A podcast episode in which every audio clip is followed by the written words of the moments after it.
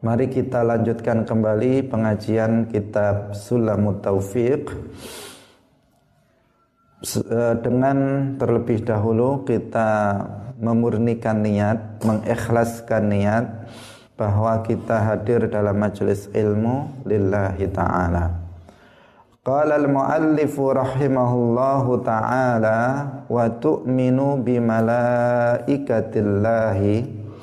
Lan iman sapa sira bimalaikatillahi kelawan pira-pira malaikate Allah taala halih maha luhur sapa Allah.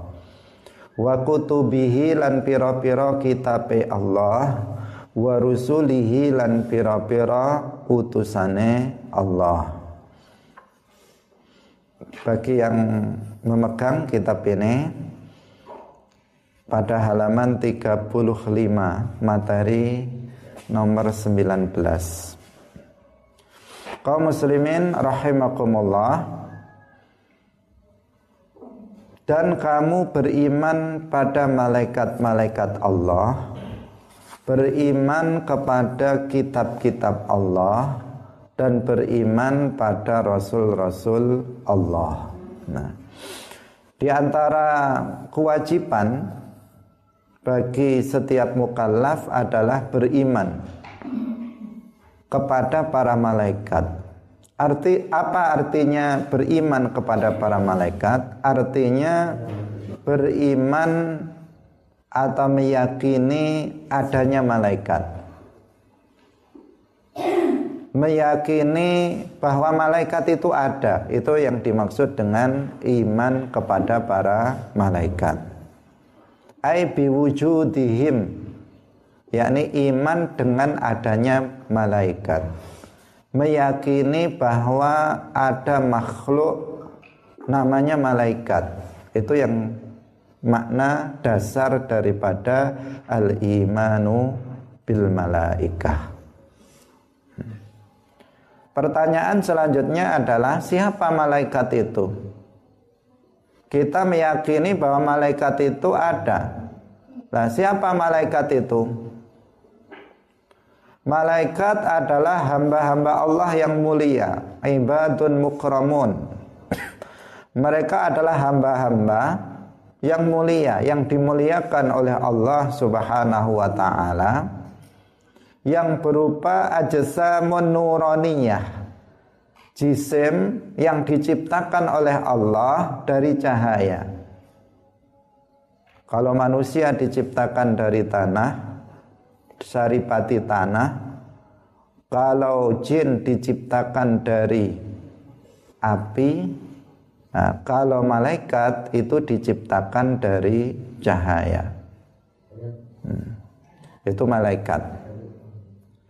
Dan para malaikat itu tidak makan, tidak minum, la yakulun wa la. Tidak makan juga tidak minum, tidak seperti kita manusia. Jin itu juga makan, juga minum. Sementara para malaikat itu mereka tidak makan dan tidak minum. Ini di antara sifat-sifat dari para malaikat.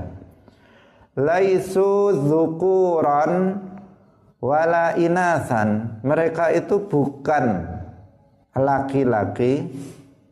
Laisu dzukuran walaisu inasan dan mereka itu bukan perempuan juga.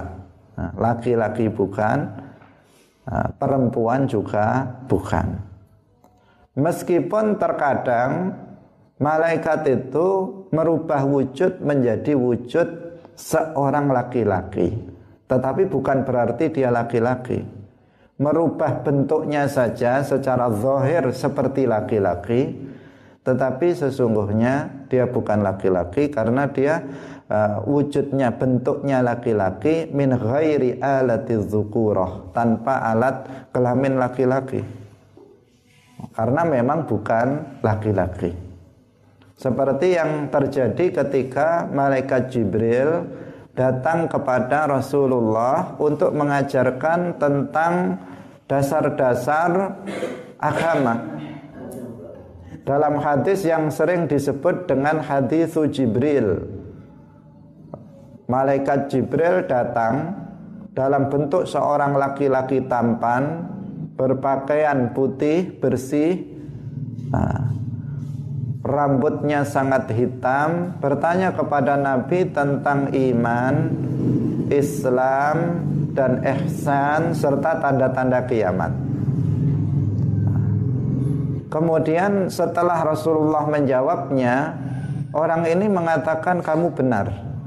Nah, Sehingga ini membuat heran para sahabat siapa orang ini Ketika orang ini sudah pergi meninggalkan majelis itu Kemudian Rasulullah Shallallahu Alaihi Wasallam menjelaskan bahwa yang datang tadi itu adalah Jibril yang datang itu adalah malaikat Jibril untuk mengajarkan agama kepada kalian.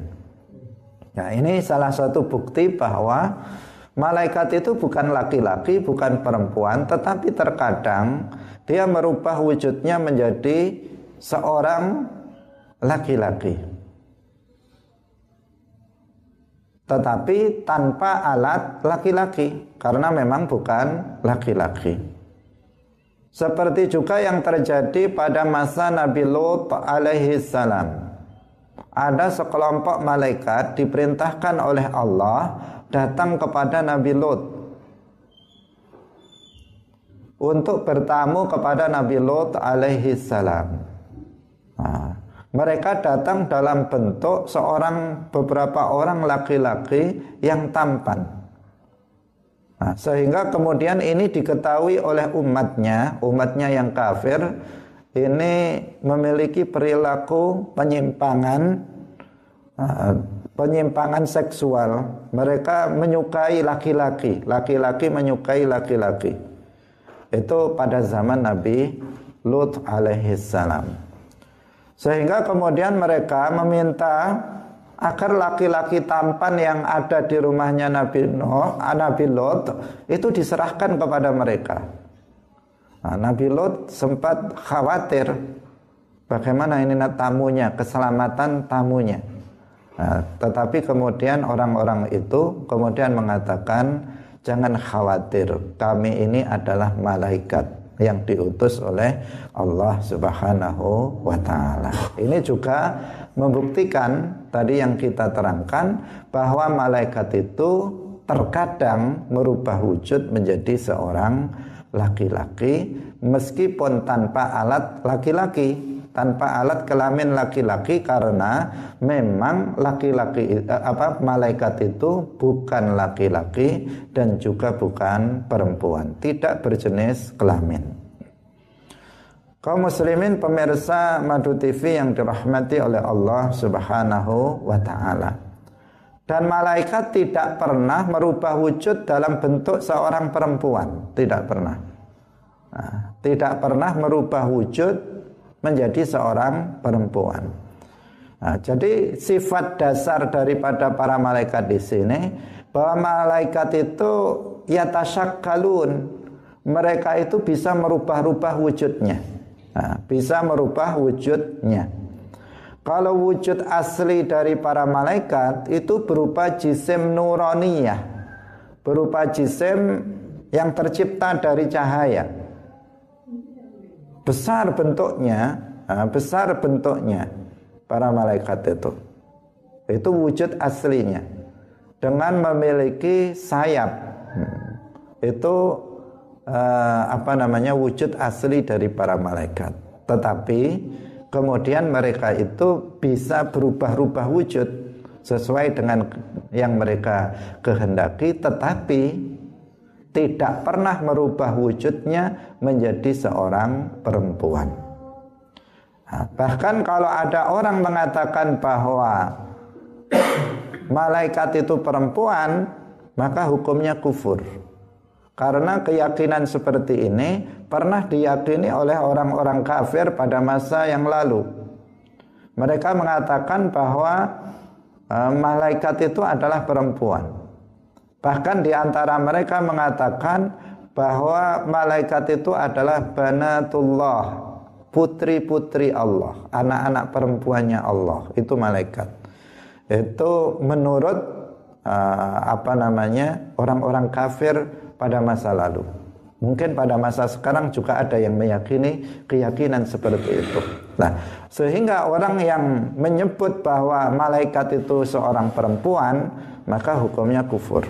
Dalam ayat Al-Quran disebutkan Innalladzina la yu'minuna bil akhirati la yusammunal malaikata tasmiyatal unsa Sesungguhnya orang-orang yang tidak beriman, orang-orang kafir dengan akhirat, tidak beriman dengan adanya akhirat, mereka betul-betul menamakan para malaikat itu dengan perempuan. Sehingga mereka ini kemudian apa? menjadi kufur dengan sebab keyakinan yang menyimpang tersebut. Nah, karena para malaikat itu bukan laki-laki dan juga bukan perempuan, maka mereka tidak menikah. Mereka tidak menikah dan tidak beranak pinak. Tidak beranak pinak. Meskipun begitu, jumlah para malaikat itu sangat banyak. Tetapi bukan hasil dari pernikahan kemudian memiliki anak, anaknya banyak sehingga kemudian menjadi banyak. Berbeda dengan manusia. Kalau manusia itu diciptakan itu Nabi Adam. Pertama kali yang diciptakan Nabi Adam, kemudian setelah itu istrinya Hawa.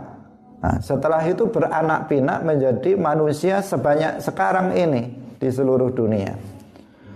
Jutaan orang Nah, itu berasal dari dua orang yang kemudian beranak pinak. Tetapi kalau malaikat jumlahnya itu jauh lebih banyak dari jumlah manusia. Seperti yang kita terangkan sebelumnya bahwa para malaikat itu jumlahnya lebih banyak dari daun yang ada di bumi ini. Jumlahnya para malaikat itu lebih banyak daripada kerikil yang ada di bumi ini. Artinya jumlahnya sangat banyak hanya Allah Subhanahu wa taala yang mengetahuinya. Dalam Al-Qur'an disebutkan wa ma ya'lamu junuda rabbika illahu. Tidak ada yang mengetahui tentara Tuhanmu yakni para malaikat bilangan para malaikat kecuali hanya dia Allah Subhanahu wa taala saking banyaknya. Di langit yang tujuh itu penuh sesak dengan para malaikat. Nah, di langit pertama, langit kedua sampai langit ketujuh itu penuh sesak dengan para malaikat. Dalam hadis disebutkan ma fis samawati sab'i maudhi'u arba'i asabi' illa wa fihi malakun qa'imun aw raqi'un aw sajidun. Nah, tidak ada di langit yang tujuh itu tempat empat jari nah, tempat empat jari di atas langit itu tidak ada kecuali di situ ada malaikat yang beribadah kepada Allah Subhanahu wa taala. Artinya di atas langit yang tujuh itu penuh dengan malaikat.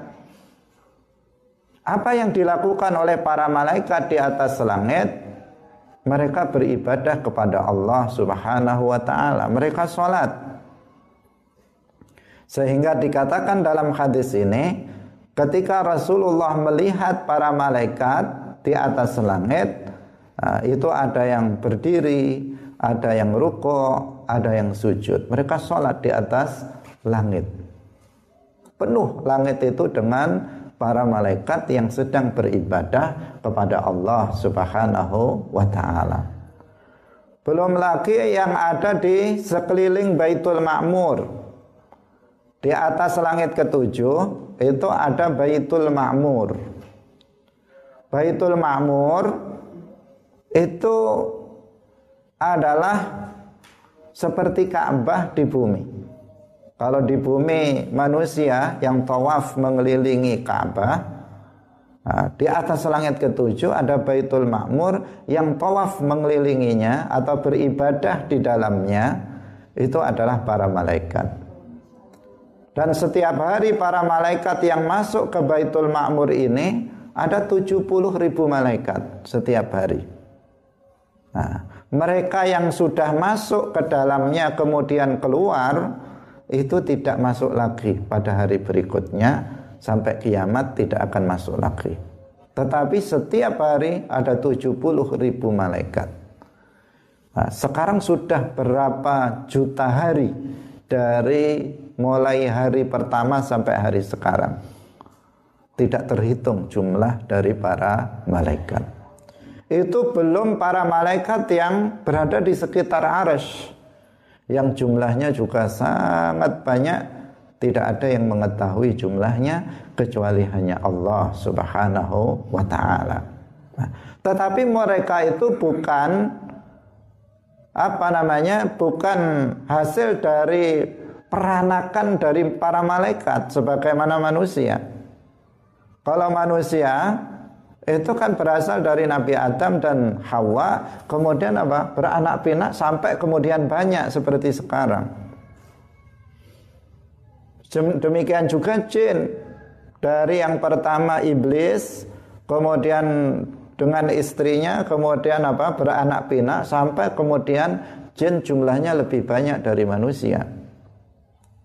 Lah malaikat itu nggak seperti itu. Malaikat itu diciptakan secara langsung oleh Allah Subhanahu wa taala. Diciptakan langsung banyak.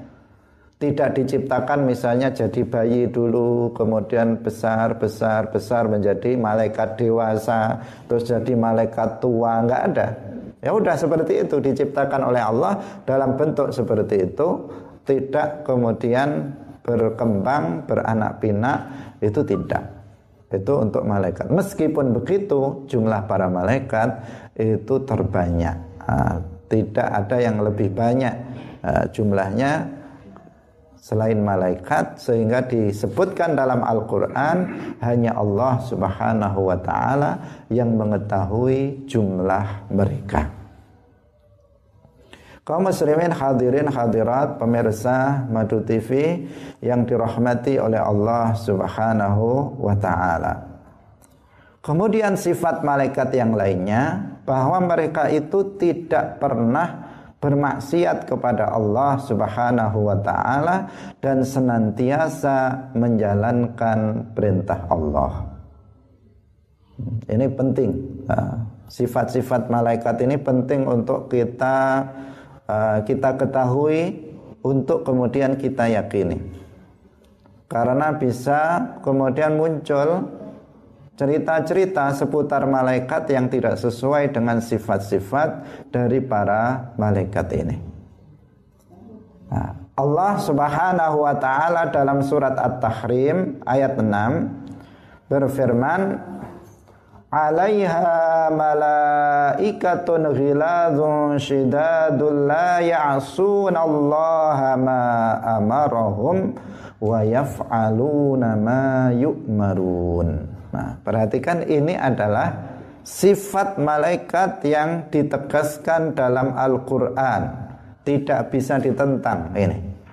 Bahwa para malaikat itu la ya'sunallah ma'amarahum mereka tidak pernah bermaksiat kepada Allah Para malaikat itu senantiasa menjalankan apa yang diperintahkan kepada mereka. Tidak pernah membangkang kepada Allah. Tidak pernah berbuat dosa kepada Allah. Nah. Sehingga langit yang menjadi tempat tinggal para malaikat ini tempat yang suci tempat langit itu adalah tempat yang tidak pernah di sana dilakukan satu dosa pun. Berbeda dengan bumi. Yang penduduknya banyak sekali yang melakukan dosa. Langit tidak ada satupun di sana malaikat yang pernah berbuat dosa kepada Allah Subhanahu wa taala. Semuanya mereka apa namanya beriman, semuanya mereka Islam, semua mereka beribadah kepada Allah Subhanahu wa taala. Sehingga mereka disebut ibadun mukramun. Mereka adalah hamba-hamba Allah yang dimuliakan. Dan karena itu pula maka langit ini dijadikan sebagai kiblatud doa.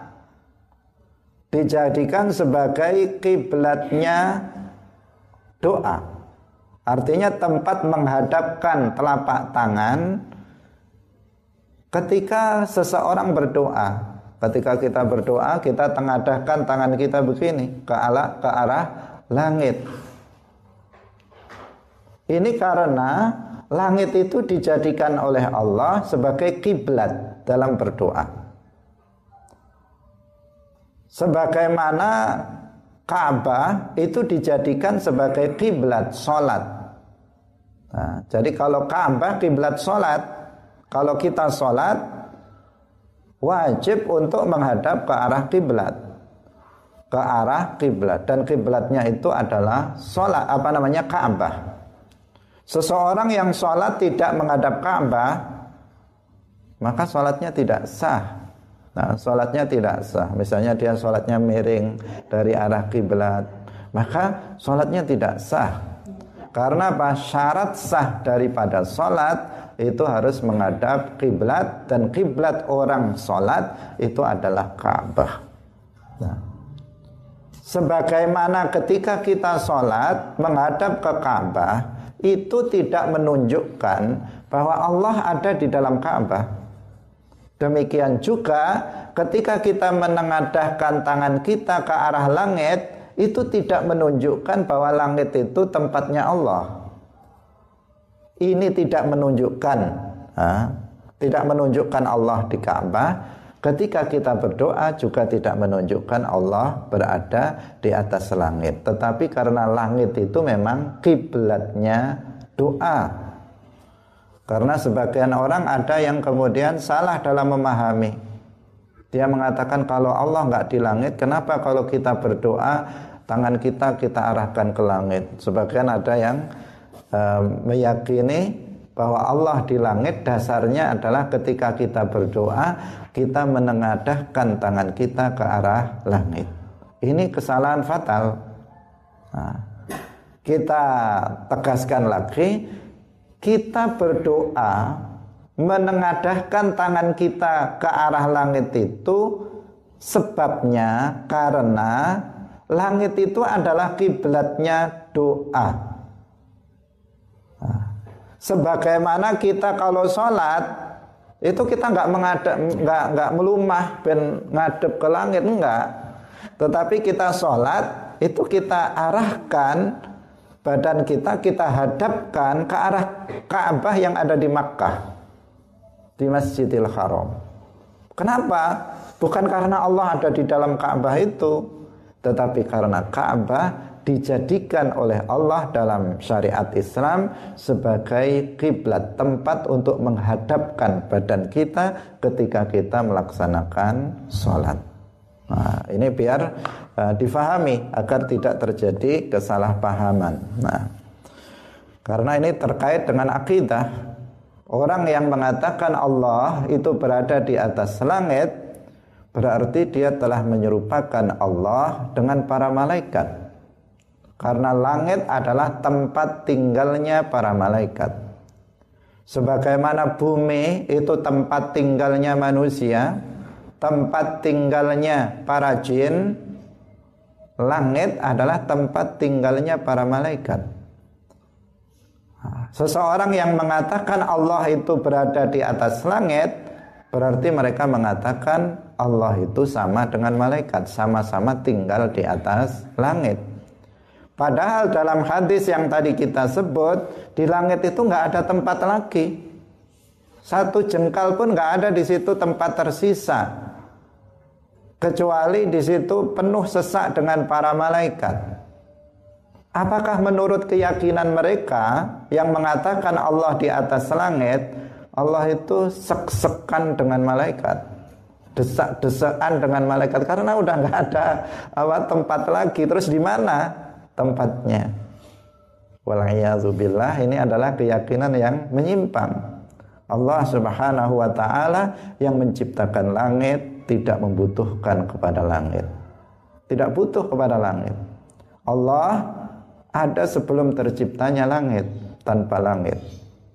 Setelah Allah menciptakan langit, Allah nggak berubah. Allah tetap tidak butuh kepada langit. Allah tetap ada tanpa langit, tanpa uh, bertempat pada langit. Nah, ini keyakinan yang penting untuk kita pegangi. Kaum muslimin pemirsa yang dirahmati oleh Allah Subhanahu wa taala. Jadi, para malaikat tidak ada yang pernah berbuat dosa. Mereka itu bukan tidak memiliki kehendak. Mereka itu bukan tidak memiliki ikhtiar. Punya, malaikat itu punya ikhtiar, punya kehendak, punya kemauan, punya masyiah. Tetapi mereka tidak mengarahkan kehendak yang ada pada dirinya kecuali pada kebaikan saja. Jadi bukan berarti malaikat itu majbur yang yang apa namanya? yang tidak memiliki kehendak sama sekali. Tidak seperti itu. Malaikat punya kehendak, punya kemauan. Tetapi kemauannya itu selalu apa? Selalu yang baik. Nggak pernah punya keinginan melakukan kemaksiatan itu nggak pernah. Selalu keinginannya melakukan kebaikan sehingga para malaikat itu tidak pernah bermaksiat kepada Allah Subhanahu wa taala. Nah, ini penegasan dari Al-Qur'an, la ya'sunallaha ma amarahum wa yaf'aluna ma yu'marun. Maka di sini harus diwaspadai. Ada cerita Israiliyat, nah, ada cerita Israiliyat yang menggambarkan bahwa ada malaikat yang pernah berbuat maksiat ini adalah cerita dusta, cerita yang tidak benar. Kenapa? Karena bertentangan dengan sifat para malaikat yang disebutkan dalam Al-Quran. Ada cerita berkembang, cerita Israiliyat. Tetapi sebagian kita karena senang cerita tidak mewaspadai itu.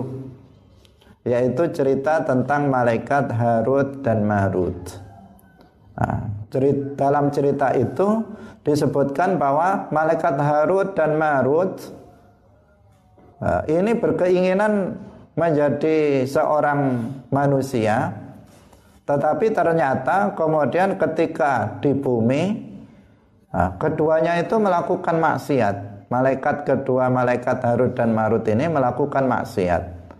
Dia minum khamr dia berzina dia membunuh orang sehingga dalam cerita itu kemudian malaikat Harut dan Marut ini diazab oleh Allah di suatu tempat.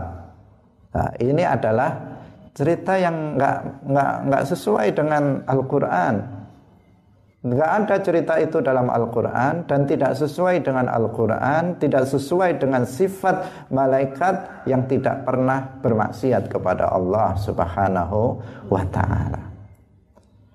Nah, jadi cerita yang sebenarnya tentang Harut Marut yang disebutkan dalam Al-Quran benar bahwa Harut dan Marut itu adalah nama dua orang malaikat. Nah, bukan orang ya, dua malaikat. Jadi ada malaikat Harut, ada malaikat apa Harut dan Marut itu ada. Tetapi mereka turun ke bumi itu atas perintah Allah Subhanahu wa taala pada zaman Nabi Sulaiman alaihi salam untuk menjelaskan kepada umat Nabi Sulaiman alaihi salam perbedaan antara mukjizat dan sihir. Karena itu karena pada zaman Nabi Sulaiman ketika itu itu ramai tentang permasalahan sihir. Dianggap bahwa Nabi Sulaiman alaihi salam itu bermain sihir. Nah, sehingga kemudian malaikat Harut dan Marut ini diperintah oleh Allah menjelaskan kepada umat ketika itu kepada manusia ketika itu apa perbedaan antara sihir dan mukjizat. Nah, inilah yang uh, tugas daripada malaikat Harut Marut turun ke bumi. Bukan kemudian mereka turun ke bumi kemudian bermaksiat kepada Allah Subhanahu wa taala. Jelas ini cerita yang bertentangan dengan sifat-sifat para malaikat yang disebutkan di dalam Al-Quran. Nah, kaum muslimin pemirsa yang dirahmati oleh Allah Subhanahu wa taala. Kemudian sifat malaikat yang lainnya adalah bahwa malaikat itu makhluk yang memiliki sayap. Jadi memiliki sayap tetapi bukan seperti burung, seperti burung. Sayapnya itu ada yang dua, ada yang tiga, ada yang empat, ada yang sampai 900 sayap. Nah, itu sayapnya. Dan satu sayapnya saja, malaikat Jibril alaihissalam, nah, malaikat Jibril alaihissalam itu punya 500 atau 600 sayap, saya agak lupa. Nah, satu sayapnya malaikat Jibril itu ketika dibentangkan satu saja itu ufuk timur dan ufuk barat tertutup oleh satu sayapnya. Artinya apa? Sangat besar. Malaikat Jibril wujud aslinya, nah, wujud aslinya malaikat Jibril itu bersayap ratusan sayap. Nah, ini malaikat Jibril alaihissalam. Satu sayap itu se, apa, bisa menutup ufuk timur dan barat. Sehingga ketika Rasulullah Shallallahu Alaihi Wasallam melihat wujud asli dari malaikat Jibril ini untuk pertama kalinya Rasulullah pingsan. Karena Rasulullah bukan takut. Rasulullah kaget dan takjub dengan makhluk Allah yang wujudnya seperti itu. Tidak menyangka bahwa malaikat Jibril itu wujudnya sebesar itu. Sehingga Rasulullah Shallallahu Alaihi Wasallam itu pingsan. Karena malaikat Jibril setiap kali menurunkan wahyu itu merubah wujudnya. Tidak dengan wujud aslinya sehingga kemudian Rasulullah Shallallahu Alaihi Wasallam itu ingin untuk melihat wujud asli dari malaikat Jibril ini sehingga malaikat Jibril kemudian berkata kepada Rasulullah kamu berdoalah kepada Allah agar bisa melihat wujud asliku Kemudian Rasulullah berdoa dan dikabulkan oleh Allah bisa melihat wujud aslinya malaikat Jibril ini. Ketika ketika itu beliau di daerah Ajriyat, daerah Makkah dekat Masjidil Haram, eh, kampung namanya Ajriyat. Di situ siapa namanya Rasulullah Shallallahu Alaihi Wasallam melihat wujud asli malaikat Jibril yang memiliki banyak sayap. Kaum muslimin pemirsa yang dirahmati oleh Allah Subhanahu wa taala. Ada yang lebih besar dari malaikat Jibril alaihissalam yaitu malaikat Israfil alaihissalam yang memiliki 900 sayap. Satu sayapnya itu sama dengan seluruh sayapnya malaikat Jibril alaihissalam. Ini uh, kita tidak bisa membayangkan bahwa malaikat itu bentuknya yang sangat besar. Ada yang lebih besar dari malaikat Israfil yaitu malaikat Hamalatul Arash. Malaikat Hamalatul Arash adalah malaikat yang membawa arash, yang memikul arash. Arash adalah makhluk Allah, ciptaan Allah, bukan tempat tinggalnya Allah. Arash adalah apa? Makhluk Allah yang ukurannya paling besar, tempatnya ada di atas langit ketujuh. Ketika di dunia saat ini itu dipikul oleh empat orang malaikat. Empat malaikat. Nanti pada hari kiamat itu dibawa oleh delapan malaikat yang disebut dengan malaikat hamalatul arsh. Nah malaikat hamalatul arsh ini namanya yang dibawa adalah al arsh akbaru makhlukatillah makhluk Allah yang paling besar ini digambarkan dalam riwayat jarak antara telinganya sini bagian bawah dengan pundaknya itu perjalanan 500 tahun. Nah, antara sini dengan pundaknya. Artinya tidak terbayangkan oleh kita uh, bagaimana bentuk malaikat uh, hamalatul arsh ini. Nah, tetapi itu uh, wajib untuk kita imani bahwa ada bahwa malaikat itu adalah makhluk Allah Subhanahu wa taala yang ada dengan bentuk-bentuk yang seperti itu dengan memiliki sayap-sayap. Nah, karena dalam Al-Qur'an sudah dijelas sudah dijelaskan alhamdulillahi fatiris samawati wal ardi ja'ilil malaikati rusulan uli ajnihatin. Uli ajnihatin yang memiliki apa sayap masna dua wasulasa tiga waruba dan empat.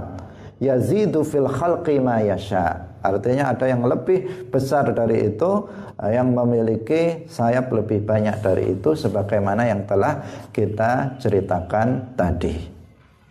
Nah, kaum muslimin pemirsa rahimakumullah. Nah, Allah subhanahu wa ta'ala menciptakan aras itu juga bukan untuk sebagai tempat tinggal sebagaimana diyakini oleh kelompok Wahabi. Tetapi Allah menciptakan arsy itu untuk menunjukkan kekuasaan Allah. Sayyiduna Ali bin Abi Thalib radhiyallahu anhu siapa beliau? Kita semuanya mengenalnya. Beliau adalah keponakan Nabi yang juga menjadi menantu Rasulullah Shallallahu Alaihi Wasallam. Beliau adalah is suami daripada Fatimah Az-Zahra bintu Rasulullah Shallallahu Alaihi Wasallam. Beliau adalah khalifah yang keempat dari al-khulafa ar-rasyidin. Beliau adalah afdalu illah setelah Abu Bakar, Umar dan Utsman. Beliau adalah wali termulia setelah Abu Bakar, Umar, Utsman. Wali yang paling mulia Abu Bakar. Setelah itu adalah Umar, Umar bin Khattab. Setelah itu adalah Utsman bin Affan. Setelah itu Ali bin Abi Thalib. Ali bin Abi Thalib adalah a'lamus sahabah. Sahabat Nabi yang paling alim sahabat Nabi yang paling banyak dan paling luas ilmunya itu Sayyidina Ali bin Abi Thalib. Kalau yang paling mulia itu Abu Bakar, yang paling luas ilmunya adalah Ali bin Abi Thalib radhiyallahu anhu. Sehingga dalam hadis Rasulullah bersabda, "Ana Madinatul ilmi wa aliyun babuha." Aku ini adalah pin kotanya ilmu. Rasulullah adalah kotanya ilmu. Dan Ali adalah pintu dari kota ilmu itu. Nah, sehingga para sahabat ketika itu apabila menemukan permasalahan seputar agama, mereka datang datangnya kepada Ali bin Abi Thalib untuk bertanya kepada beliau. Karena beliau adalah a'lamus sahabah maka tidak diragukan tentang Sayyidina Ali bin Abi Thalib sama sekali tidak diragukan. Apa yang beliau katakan tentang Arash? Beliau mengatakan Innallaha khalaqal arsha izharan liqudratihi wa lam yattakhidhu makanan lidzatihi. Nah, Innallaha khalaqal arsya. Sesungguhnya Allah Subhanahu wa taala itu menciptakan arsy. Untuk apa? Izharan liqudratihi. Untuk menunjukkan kekuasaannya. Walam yattakhidhu dan tidak dia jadikan arsy itu makanan lidzatihi sebagai tempat bagi zatnya. Enggak. Enggak dijadikan sebagai tempat tinggal ini siapa? Penegasan dari Sayyidina Ali bin Abi Talib A'lamus sahabah Misbahut Tauhid Menantu Rasulullah Khalifah yang keempat yang masuk Islam ketika beliau masih kecil. Semua orang belum masuk Islam, beliau telah masuk Islam. Lalu dari mana kemudian orang Wahabi mengatakan bahwa Allah bertempat tinggal di atas arash? Sayyidina Ali bin Abi Thalib radhiyallahu anhu orang yang paling luas ilmunya, yang paling alim mengatakan Allah tidak menjadikan aras sebagai tempat tinggal. Tetapi Allah menciptakan aras itu untuk menunjukkan kekuasaannya. Para malaikat yang ada di sekitar situ yang melihat aras, maka mereka melihat kekuasaan Allah yang begitu besar sehingga bertambah keimanan dan keyakinannya kepada Allah Subhanahu wa taala. Nah, ini penting sebagai catatan bagi kita.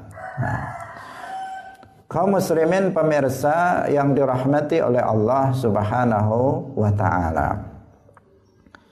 Selanjutnya para malaikat itu sebagian di antara mereka itu ditugaskan untuk mengatur sebagian alam semesta ini.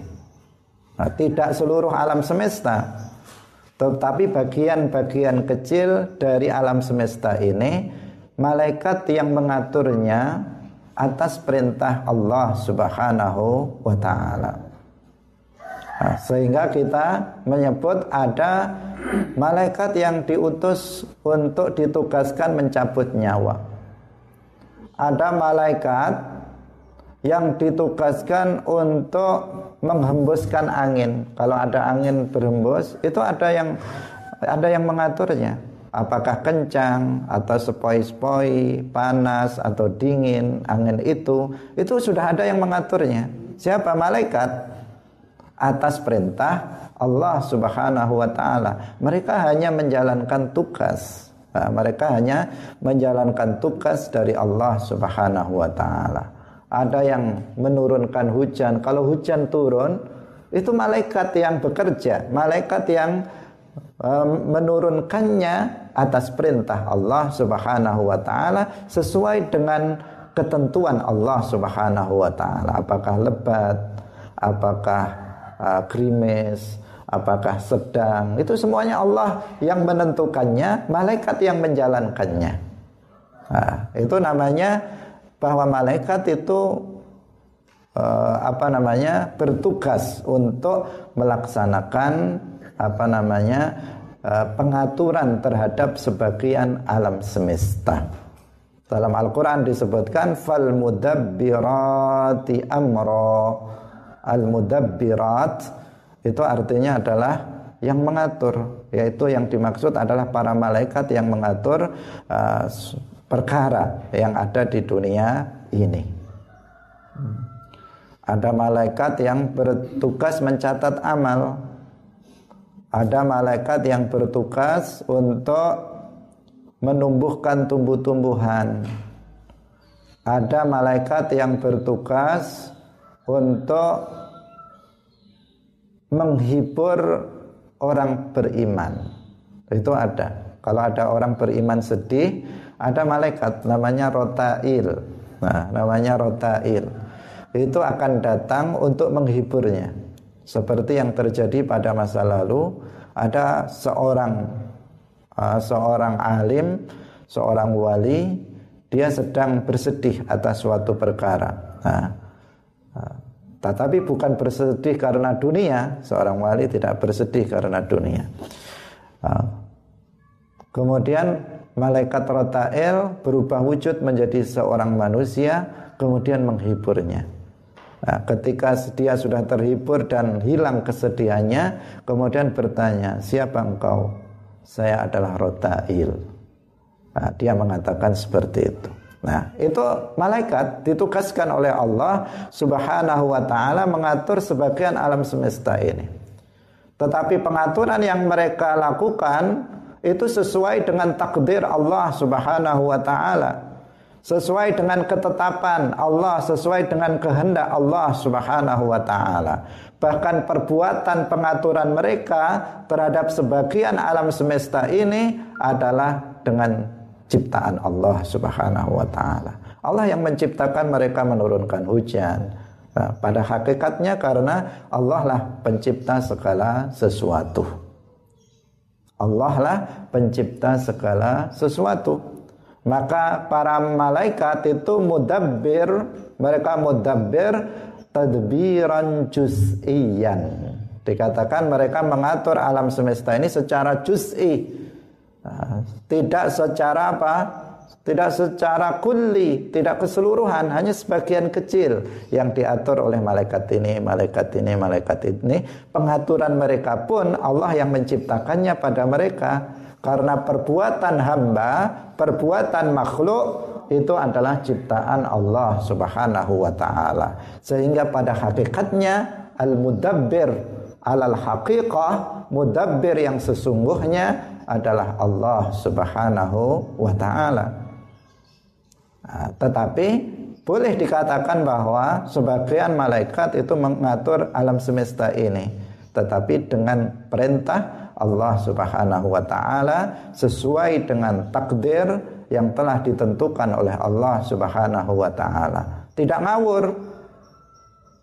Tidak ngawur. Misalnya malaikat Azrael, wah saya benci sama dia, saya cabut duluan aja. Saya senang sama dia, nggak usah dimatikan dulu. Bukan seperti itu. Nah, tetapi sesuai dengan takdir Allah Subhanahu wa taala. Karena itu setiap tahun setiap Lailatul Qadar pada bulan Ramadan setiap tahun para malaikat itu naik ke atas langit ketujuh ke Lauhul Mahfud. Di sana ada Lauhul Mahfud di mana segala sesuatu yang akan terjadi telah tertulis di sana. Nah, mereka menyalin, nah, mereka menyalin tulisan yang ada di sana tentang apa yang akan terjadi selama satu tahun yang akan datang. Nah, kenapa para malaikat menyalin itu? Karena mereka yang bertugas untuk melakukannya. Nah, yang bertugas melakukan mencabut nyawa ditulis siapa saja yang mati tahun ini. Harinya apa, jamnya berapa, menit keberapa, matinya bagaimana caranya, semuanya sudah tertulis semuanya. Para malaikat tinggal menjalankannya. Itu pun Allah yang menciptakan perbuatan itu pada mereka. Nah, sehingga nggak akan apa namanya berbeda dengan apa yang telah tercatat, apa yang ter, telah tertulis di Al-Lauhul Mahfud. Kaum muslimin pemirsa rahimakumullah. Nah, biasanya yang disebutkan oleh Eh, para ulama dalam kitab-kitabnya adalah kewajiban kita tidak wajib ain, wajib kifayah mengetahui 10 nama para malaikat.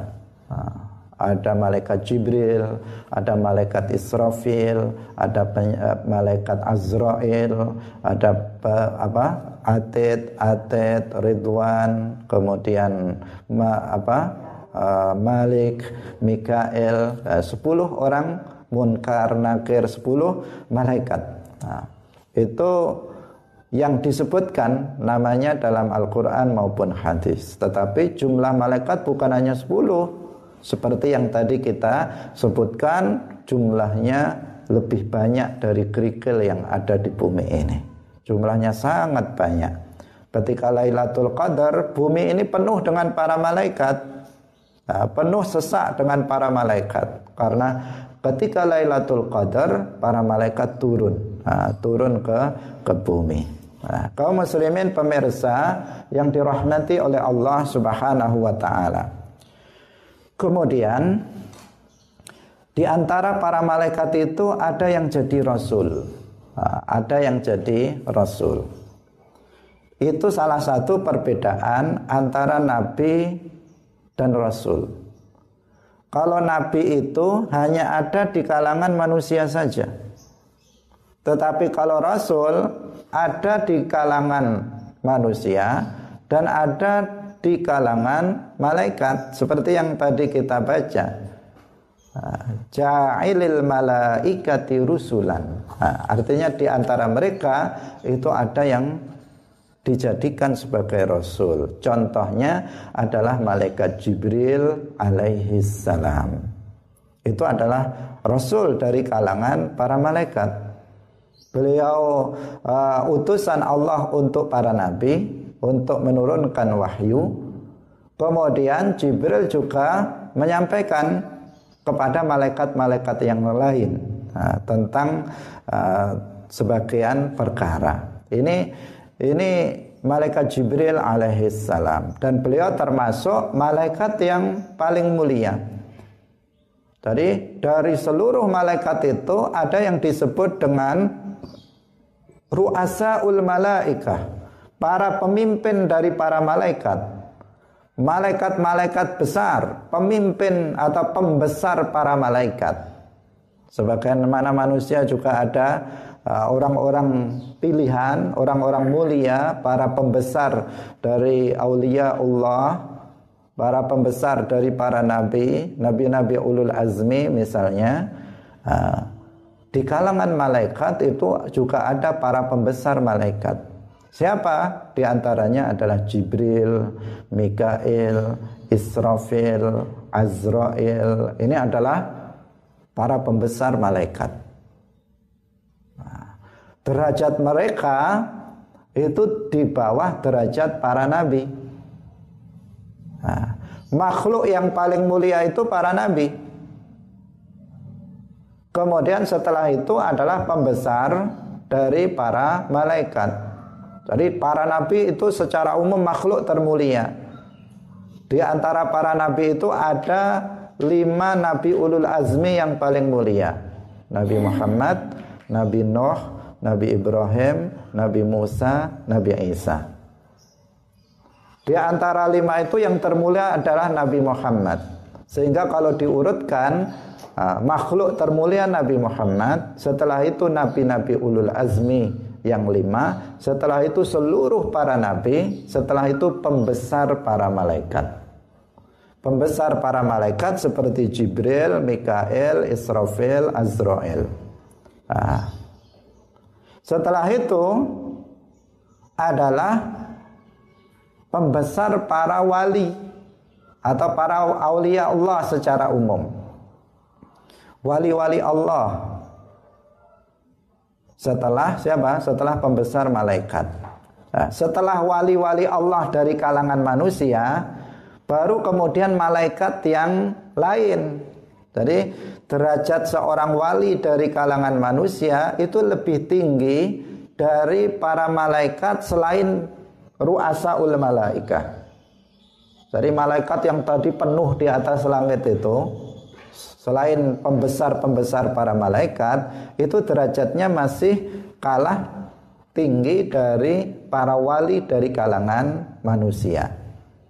Nah, setelah para malaikat yang awam Kemudian apa? Baru umat Islam yang awam. Nah, itu yang terakhir.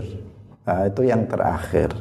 Sedangkan orang kafir sama sekali tidak memiliki kemuliaan indallah. Tadi adalah urutan kemuliaan. Orang kafir nggak memiliki kemuliaan sehingga mereka nggak masuk pada hitungan ini. Nah, jadi Nabi Muhammad, Nabi-Nabi ulul azmi kemudian seluruh para nabi yang lainnya, pembesar para malaikat, kemudian aulia Allah dari manusia, wali-wali Allah dari kalangan manusia, kemudian awamul malaikah, kemudian awamul muslimin. Yaitu urutan dari kemuliaan makhluk Allah Subhanahu wa taala. Nah, kaum muslimin pemirsa Madu TV yang dirahmati oleh Allah Subhanahu wa taala, Nah, ini yang kita sampaikan pada pagi hari ini. Semoga bermanfaat pengetahuan terhadap uh, sifat-sifat uh, para malaikat ini penting agar keyakinan kita terhadap adanya malaikat itu bisa kuat, nah, bisa kuat. Karena ada sebagian kelompok yang mengingkari adanya malaikat. Mereka mengatakan malaikat itu nggak ada, buktinya nggak bisa kita lihat. Kemudian mereka mengatakan bahwa uh, malaikat itu artinya adalah kekuatan alam. Nah, kekuatan alam. Jadi ketika disebut malaikat itu artinya adalah kekuatan alam. Nah, ini adalah sebuah bentuk kekufuran mengingkari tentang adanya para malaikat. Padahal uh, umat Islam itu meyakini bahwa salah satu kewajiban bagi seorang mukallaf adalah beriman terhadap adanya para malaikat-malaikat Allah Subhanahu wa taala. Nah, semoga bermanfaat. Wallahu muwaffiq ila aqwamit thariq. Wassalamualaikum warahmatullahi wabarakatuh.